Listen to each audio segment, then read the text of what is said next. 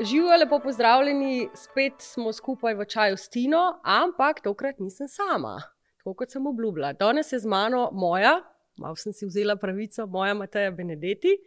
Uh, najprej res hvala, ker si prišla. Uh, hvala tebi, draga prijateljica. Itak z veseljem. Zdaj, mal bi bil kriminal, ne, da te ne povabim na tale podcast, glede na to, da je. Letošnje leto posvečeno prav ženskam in intelektualni lastnini, se pravi pionirkam, izumiteljicam, inovatorkam. Uh -huh. In mhm. kar je še najbolj zanimivo, Evropski urad za intelektualno lastnino je naredil prav analizo o ženskih dizajnerkah, se pravi o, o ženskah v modi, v, v um, računalništvu, uh -huh. v grafičnem oblikovanju, se pravi na katerem koli področju že je. Tako da jaz mislim, da si ti ta prava za tole debatico. Zdaj pa najprej te bom predstavila, tisti, ki te še ne poznajo. Torej, si morna oblikovalka, lastnica znamke Benedetti Life, to je trajnostna, luksuzna, modna znamka, ki jo navdihuje predvsem naš planet, a ne naš ogrožen planet, ogrožene živalske vrste, ki so ti tudi vedno navdih za tvoje kolekcije. Tako, tako. Nova, verjetno bo kmal. Uh -huh. Ali bo, ok, super. Ja. Uh, si pa prejemnica tudi mnogih nagrad, Um, zdaj, jaz sem si jih mogla par napisati, ne, ampak bom izpostavila tiste najbolj um, znane in sicer uh, finalistka za Green Carpet v ja. Milanski Laskali. Tako. To je to, da bodo ljudje razumeli, to je pač Green Red Carpet. Ali? Green Red Carpet Awards, to je Bravo. v bistvu. Um, bom rekla, najbolj prestižne zelene nagrade v modni industriji, no, svetovno tako. gledano. No, tako. Potem si bila tudi uh, v reviji, uh -huh. Bentley. Knjigi, ja. V knjigi, pardon, ja, ja. v knjigi Bentley, Rolls Royce, a ne v knjigi. Ja, ob stoti obletnici.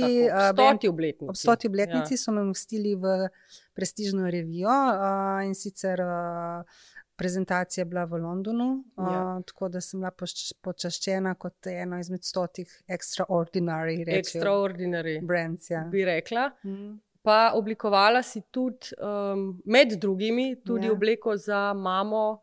Um, Od Billy Eilish. Billy Eilish. Tako je, ja. ja, Maggie May Bayard za rdečo preprogo Oscarjev in to je bilo ravno lani. Ja. Ko je Billy Eilish dobila tudi Oscarja za glasbo v filmu James Bond. Ja, to je bilo, mislim, vse teh nagrad je res velika, ne pa v Vogu. Si bila tudi? Ja, v različnih vogih, od brazilskega, nemškega, italijanskega, ja. angliškega, ja. uh, v različnih priložnostih. Uh, tako da v New York Times. Uh, Mislim, jaz te res dobro ja. poznam ne? in res za vsako tvojo nagrado vem, ampak jih moram zlistati. Ne? Je treba iti prav po vrsti, kje so tiste. Skratka, si res inovatorka v bistvu na, ja, na tem ja, področju. Ja. Um, zdaj, preden greva v bistvu na to, kako je biti ženska v tej uh -huh. industriji, ker ta industrija je generalno je težka. Uh -huh. Zdaj, biti ženska v tej industriji je pa, po moje, boš ti povedala, še težji. Ampak zdaj, če greva mogoče nazaj. Ja. V, v zgodovini je bilo teh ženskih inovatork ogromno, sploh v modi, recimo Koko Šanel je imela korzetek. Ne, ne ali Koko Šanel je osvobodila ženske korzetov. To sem mislila, to sem mislila. No, tako, tako, tako. Ja, tako. To ja. Zaradi tega, ker uh, do konec uh, 19. stoletja, začetek 20. so ženske zelo okalupljali v korzete, ker ženska bila v, logu, v vlogi samo kazanja lepote in reproduktivnosti. Okay, pravi, Ni imela možganov. Ja. Ja. In uh, ta lepota se je skazovala skozi ozek pas. In zaradi tega oskega pasu so bile številne poškodbe notranjih organov. Ja. In Koko Šanel je prva ženska modna oblikovalka, ki je žen, ženske osvobodila teh okornih oblačil uh -huh. uh, in dala vem, uh, lahkotno oblačila, si poznamo Šanel linijo. Uh, tako da je dejansko v tem kontekstu ona um, ustvarila nov stil. Ja, zgodovinsko res gledano. Res je. In potem je prišla še kvant, ne oblikovalka, ki je pa popularizirala še mini krilo. No, ja, smo ja, šli ja. ne, iz, ven iz korzeta še na mini krilo. Um, recimo, kar je bilo zanimivo, mogoče izven industrije, o čemer se nič ne ve. Tudi to najki kljukice oblikovala ženska. Aha, no, ja, kaj, kaj je to znano. In pa uh, za, prav za področje intelektualne lastnine, prvi zakon o avtorski pravici je pa sprejela britanska kraljica Ana uh Mhm. -huh. v začetku 17. stoletja. Tako da v bistvu uh -huh. ženske imajo veliko vlogo, ampak so tudi doskrat nepriznane. Ne? Tudi Klara Priznane, ker se mora dosti bolj dokazovati kot moški. Tako. To je še danes tako. ne. No, evo, zdaj te bom pa te, na tej točki te bom pa prosila, da ji povej um, o svoji zgodbi. Ja. Ja. Se pravi, kako je biti ženska inovatorka v tej industriji, torej ne samo modna oblikovalka, ampak prav inovatorka, ki v bistvu utira nove poti. Povej, kako se je tvoja poslovna zgodba začela, skoraj končala, uh Mhm, -huh, a ne vmes, uh mhm. -huh. tukaj se bo potem že dotaknile pač intelektualne lastnine in pač kako ti vidiš prihodnost. Pa veš, kaj me še zanima? Um, v Evropski uniji, zdaj gledam to analizo, ne, Ja. je ženskih dizajnerk samo 20% in še vedno so cirka 13% manj plačane. Še vedno je ta gender mm. inequality. Mm. Pa Kako ti, kako ti to vidiš, kako se ti počutiš, ne, in kaj se je tebi dogajalo na poti? Ja, mogoče bom začela na začetku, pa sem pa začela. Ja, ja nujno. Ja, v bistvu tako. Jaz sem veliko let delala kot kostumografinja za gledališča in opere. Uh, je pa res, da ta strast do mode me je, me je, bom rekla, zanimala, oziroma me je obsedla nekje že v času študija. Uh, in to zato, ker ko sem, ko sem bila na izmenjavi na nizozemskem, je, um, bom rekla, urednik takratne revije Wallpaper Uh -huh. povedal, da bo svet šel v dve močni smeri. Ena je, dva močna trenda bosta v prihodnosti. a ne, In to smo danes, to doživljamo. Se pravi, eden Okej. je vrnitev k naravi, Okay. upočasnitev industrije. Ne, Ja, okay. uh, se pravi, trajnost, ne, te vrednote, ta druga je pa hitrost, Aha. uh, tehnologija, umetna inteligenca, hiperprodukcija. Ne. In da kot dizajnerji Mm. se bomo mogli odločiti na svoji poti, katero pot bomo ubrali. Um, Okej. Takrat se je to slišalo bolj science fiction. Ne. Je bilo še tako daleč Ja, je bilo nazaj, še tako daleč. Ne. Danes je to naša realnost. Uh, je pa res, da sem se že takrat uh, intuitivno vedela, kaj bo moja pot. Nisem Mhm. pa vedela, kako jo bom dosegla. Zakaj? Zato, ker izhajam iz zelo nemodne države. Okay, Slovenija. Ne? Slovenija. Okej. Ja. Spravi, mi imamo sicer industrijo, ki smo jo tudi v večini že uničili, ne? ampak um, nimamo pa, nismo pa prepoznavni po dizajnerjih v svetu, mi nismo prepoznavni po blagovnih znamkah v svetu, Mhm. če pogledamo malo čez mejo, ker je Italija. Ja, ki je zelo znana. Tako, Ja. imajo močne blagovne znamke. Um, je pa res, da uh, vse skupaj se je začelo v bistvu z uh, mojim pulsom, bila zelo primarno čustvo jeza. Ne. Mhm. Sedela sem s prijateljico na kavi in, in sem se jezila vem, na brende kot so Gucci, Versace, Armani. Uh, Uh, Dior, uh, ni da ni ta velike, ne še takrat v mojih očeh. Zakaj za Boga nič ne naredijo na področju trajnosti, ker imajo denar. Namreč jaz sem takrat, ko statusom kulturne delovke, komaj preživela iz meseca v mesec. Okay. Ne? Okay. Um, in pa sem gotovila, da v bistvu zakaj se obravnavam kot nekdo, kot prvo, seveda ženska, ne imamo že tako manj vrednostne komplekse, kot Ne, da imamo. Ne? ja. Ja, kot drugo, zakaj uh, ne bi jaz imela to moč? Zakaj si odrekam že Mhm. Sama sebi z mislijo to moč, da lahko nekaj jaz naredim? No, in tako je vse se začelo. V bistvu sem se odločila, izmislila sem si jaz takrat trajnostni luksus, sploh obstajajo ni. Ne? Ne? takrat pa res ne. Ja, zakaj? Zato, ker v bistvu hotel, eh, še vedno sem dizajner, še vedno me zanimajo, zanimajo lepa oblačila, še vedno me zanima. Jaz sem takrat eh, delala v operah, ne, bogati materiali, bleščice, takrat pi, pirja, ni da ni od tekstilov, kaj sem se uporabljala, svile, volne. Ne, to pač ni, ni bilo še te zavesti, kaj to pravzaprav pomeni. Ne? No, in takrat sem pol šla s prvimi poskusi na tržišče, ker sem se odločila, uh -huh. da bom pač probala. Takratno trajnostno modo, ki so bile, je, bila, je bila zelo pižamasta. Ne? Takrat so, bile, so bili uh, naravni odtenki, ekološki bombaži. Skromno, ne? Uh, skromno, ja. ja. V bistvu ne vem, če bi. Mislim, da 99% žensk ne bi to obleklo v službo, recimo, tako bom rekla. No, takrat sem se odločila, da bi rada naredila trajnostno modo na dizajnersko netrajnostni način. Razumem. Ne? Okay, kar se je slišal, lažje kot je bilo pol V resnici, V ja, zato ker takrat tehnologije za to še ni, Ni bilo. bila. Ne. Niti nisem imela take možnosti potiskov. Kasneje, ne, ko, sem, ko so se pojavljale, recimo, pojavljale so se prve ekološke svile, ne, takrat sem rekla, uh, saj lahko naredim eno bluzico ali pa eno malo lepšo večerno obleko. Ne. Ampak od tenki so bili črna, bela, pa mogoče na turpink. Okay. Ne, zdaj ti ustvarjaj Ja, s tem. tem uh, dizajn, ki bi ga rad primerjal s Prado ali pa ne vem, s, čim, s temi blagovnimi znamkami. Ne. Tako da pot je bila uh, in kle se vklopi inovatorstvo. Ne inovatorstvo, to, da Mhm. sem jaz. Mislim, da sem, nisem jaz sama inovirala, ampak to je del procesa. Inovirala sem mogoče modo kot tako, način proizvodnje, način upočasnitve, slutila sem neke trende prihodnosti, ne? ampak sem se začela zelo povezovati s podjetji, ki so inovirali tekstil. Ne? Mhm. In sem mogoče med prvimi na, svet, na svetu naredila vem, oblačilo iz jabolčnega usnja. Ga imam jaz doma? Ja.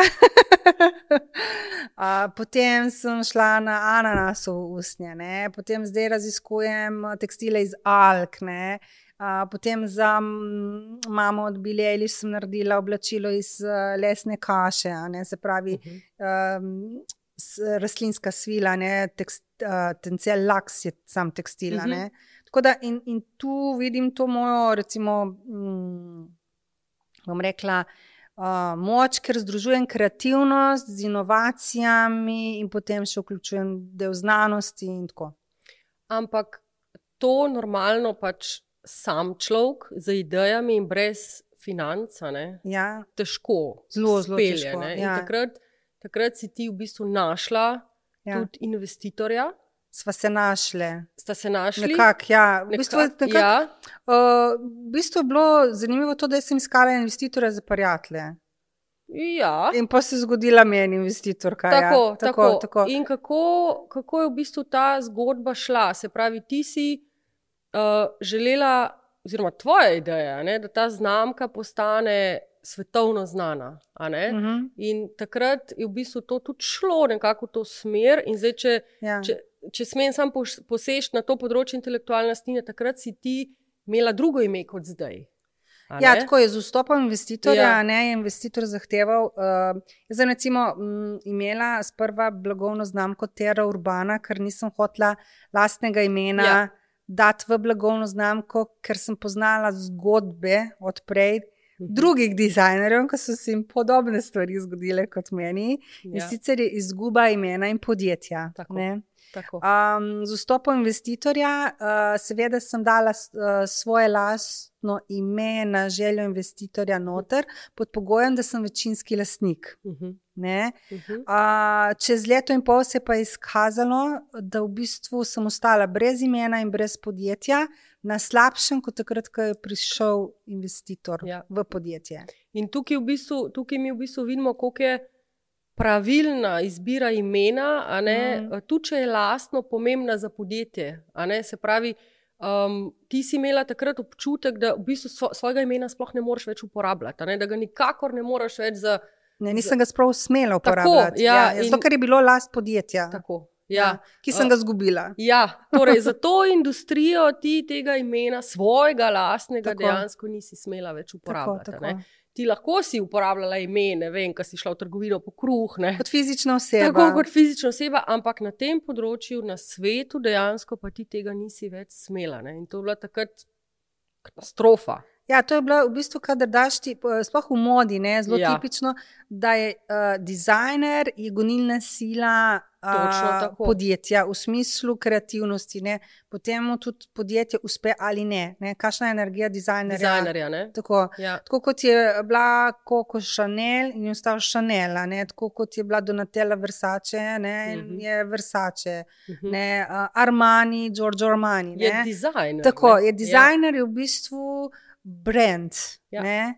In tle je dejansko, uh, sem jaz izgubila to, kar je moja moč, se pravi, jaz dizajner brand. Ja. Mhm. Ne? Mhm. Um, potem, potem si ok, takrat se je pač skoraj končal.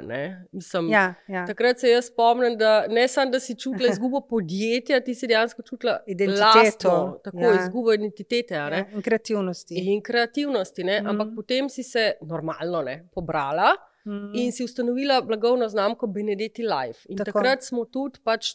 Ampak pazi, Ja, mi smo, um, kaj je problem bil? Um, problem je bil predvsem, da sem jaz še pred investitorjem gradila ime. Uh -huh. Ne? okay. In z vstopom investitorja se je to ime še naprej gradilo, kar pomeni, da ti izgubiš ime, pomeni, kot da izgubiš tudi tistih deset let dela. dela. Ne? Mhm. Uh, zato sem iskala način, kako hraniti na nek smart način ime. Mhm. In tako kot rečemo, uh, ne vem, um, Giorgio Armani, ne, tako je ostala od Mateja Benedetti, Benedetti. Ne, Ja. Ker pa Benedettijev je ogromno na svetu. Ne, Ja. In do meni ni bilo več, benedetti.com ni bila, benedetti.si ni bila, benedetti. ne vem kaj. Ker so že bila. drugi zakupali. ne. So slučajno, uh, slučajno takrat so dali domeno ven, life. Pa v bistvu te čist pasala. Ne? Zaradi domene Ja. je ratov brand Benedetti Life. Ja, ne. ja. Kar pa v bistvu ima smisel. Ne? In ima zato, ker, smisel. zato, ker Ja. um, mislim, da je pomembno tukaj, da povemo, uh, ker ljudje se ob imenu, pojmu luksuzna znamka, ne, Mhm. se ustrašijo cene. Je. To je pač prvi, ampak ne razumejo, zakaj je pač ta luksuzna trajnost v modi tako pomembna. In bi rada, da pač res razložiš še enkrat, kaj dejansko moda našemu planetu prinese, oziroma predvsem Ja. odnese. Ja, jaz bi tako rekel, da v bistvu, uh, ko se govorimo o trajnosti in luksuzu, bi se rekel tako, da trajnost je danes luksus. Ne? Okej. Zakaj? A Ni, uh, ni stvar.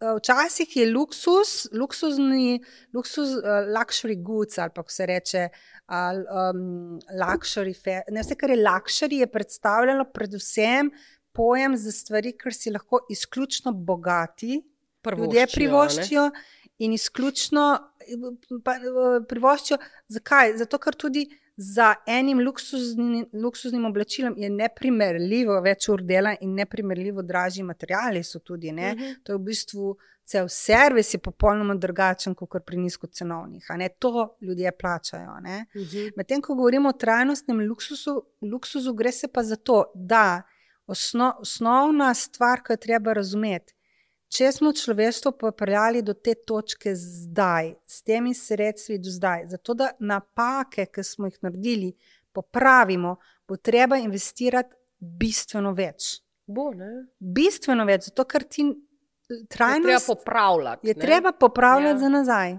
Ja. Zakaj? Zato, ker industrijo smo pripeljali do te skrajnosti, da smo mi hi, hiperprodukcijo pripeljali do mak, uh, na, bom rekla, najcenejši moj, možni način. In kaj to pomeni uh, v praksi? Če je včasih naša ba, naše babice so šparale za en plašč dve leti, Ki je ne, zdržal potem. ki je zdržal ne? še naslednjih 30 Ja, let. Ne? ja. Danes ne šparamo mi dve leti za en plašč. Mi danes gremo v truzar in kupimo plašč. In ga čez pol leta zamenjamo. Tako. Ja, ja. To je ta bistvena razlika. Ne? In to, kar jaz prenašam, je lehto sporočilo. Investirati v bolj kvalitetne stvari na dolgi rok, ampak ne samo kvalitetne, tudi trajnostne, zato ker način, kako so narejene, so uh, ščitijo planet. Tako. V, v čisti praksi, bom, da bo tako jasno, kaj to pomeni. Če jaz kupim navaden bel t-shirt iz, eko, iz navadnega bombaža, se je za proizvodnjo tega t-shirta porabilo 2700 litrov vode, 160 gramov pesticidov in izpustov je bilo 7,5 kg CO2. In pol ni več tako Navaden ne? Tako, ja. Če kupim ekovero t-shirt, ki je mogoče 2 evra dražji, okay, pa se je porabilo 150 litrov vode, nič pesticidov in nič cela 5 kg CO2. In zdaj, če to rečemo, da na svetu nas je 8 milijard in vsak ima en t-shirt doma, Ja. če pomnožimo 8 milijard z 2000, ne, a, a, to, je, to naredi Ja, bistveno razliko. To mora vsak zase. Ne? In to Vsak- mora vsak ja. razumeti. da ni vseeno, kaj kupiš. Danes ni to več vseeno. Mhm. Ja, in to, kar ljudje pravijo, kaj pa jaz lahko naredim, kaj pa jaz lahko naredim. Ne? Pač vsak zase, če nekaj naredi, pa če je to velika masa, pol se dejansko lahko kaj premakne. Tako, vsak lahko naredi, ker vsak ima en tišer doma. Zdaj pa še, samo še zadnje vprašanje. Um, kaj v tvoji industriji zaščita dizajna pomeni? A se splača, a se ne splača? Um, Ne, dizajn absolutno se ne splača zaščititi. Zakaj? Zato, ker v modi je tako, da se stvari zelo hitro Obračajo. Torej, ko zdaj ven dizajn, dokler me ostali skopirajo, ker je proces tako dolg, mine že eno leto, dan že snov dizajn ven. no, ne. se pravi, treba biti hiter, dober, inovativen, Tako. kreativen. In tako, v bistvu okay. dizajn načeloma se, ker v bistvu v končni fazi vsi črpamo ideje, vse posod. Ne? Res je. In, in klasični suknič ti ne moreš zaščititi, ker ga ima čisto vsaka blagovna znamka na tem svetu. Točno to. Ne? Se pravi, je v bistvu ustrezna zaščita za, za tvojo industrijo dejansko je biti prvi, po, pobrati smetanco a ne, na trgu in potem iti naprej. Ja, zaščita je pomembno, kot smo rekli, ime je pomembno zaščititi, Definitivno. logotip je pomembno zaščititi. Ja. Pomembno je zaščititi, recimo m, pri fotografijah je avtorsko pravo, a ne se pravi. Če Točno, govorimo o avtorsko uredi pravi, to področje, ja. Ja. tudi s fotografiji, ja, pravice, z modeli. ja, pravice tudi na Tako. let, ne, Ja. imaš uh, možnost uporabe fotografij. Ne. Ja, to je kar, kar, Ja. ker se mi zdi, da fotografi in modeli poznajo svoje pravice zelo dobro. Ne? In je treba Ja. v bistvu predvideti, za koliko časa boš jih uporabljal, uh, na katerem teritoriju, na kakšen način. Tudi vsa social medija zajeta. Ne? To je za vas zelo ključno, ker če se vam zgodi, da nekje ne morete objaviti, mm. lahko za vas to pomeni veliko škodo. da v bistvu je treba res najti druge načine, sam dizajn kot tak pa načeloma ne, ne koristi tako kot Ne, ker je prehitro sprem, spremenjajoč in v bistvu bi lahko pomenilo za to podjetje uh, dejansko, da lahko, za, samo, samo zaradi teh zaščit lahko zapre, ker je to tako stroško. Ker je ne. to stroško. Ja, ne. ja. Okay. Ja. Um, Pa zaščita na različnih trgih. Ne, imeli. ja, predvsem na tistih, kjer, Ja, kjer ali ti lahko ukradejo mene, smo ugotovili, ne, ja, ali pa ja. tam, kjer obstaja nevarnost kopiranja, oziroma tam, kjer hočeš največ. Tako, če se spomniš, ne, ko smo mi zaščitili blago, ime blagovne Ja. znamke, smo dobili z Kitajske, da nekdo hoče tam registrirati blagovno znamko. Seveda, mogli- vse spremljajo Tako. in vse hočejo pokrst. Ne. Tako. Legalno, kvazi, opozorijo te, ne, Ja. mi bi to, če se ne boste zjasnili. Ampak mogoče tebi danes Kitajska ni pomembna, bi ti bila pa čez štiri leta. Tako, Takrat imaš tako, problem. tako. ne. In ne moreš stopiti na tržišče. Tako, tako. Um, Mateja, um, a bi rada še kaj povedala? Mava še ene tri minutke? Bi rada Mm. kakšno sporočilo predala? Ja, mogoče da res, da v bistvu intelektualna lastnina je zelo, zelo pomembna za vsa podjetja. Mm. Um, da um, je svet v to smer, ki ga peljemo, bo treba vzeti zelo, zelo resno trajnost tudi v vseh ostalih industrijah. Um, in um, mislim, da uh, vsak podjetnik, uh, bom rekla, najbolj ve pri sam sebi, kako se najbolj pravilno tudi odloča za svoje podjetje. In kako tudi v bistvu za okolje? Tako, za Imamo to okolje. odgovornost, da Tako. kot podjetniki pač. Mi smo več ne delamo samo za sebe, ampak Ja. ja. delamo za širše dobro. Pa za prihodnje generacije. Tako, ne. tako. Ti hvala. A, hvala tebi. Res, hvala. Evo, tole je bil naš prvi uh, podcast z Matejo. Um, Kakršne koli vprašanja, um, če hočete videti uh, plašč iz jabolčnega usnja, Ja. oziroma katero koli kolekcijo, pejte pogledat njeno spletno stran, Benediti Life, jaz mislim, da vam ne bo žal, Mhm. ker s tem ne samo, da naredite dobro zase, ampak tudi za planet. Evo, hvala tudi vam za poslušanje, se vidimo naslednjič. Čau!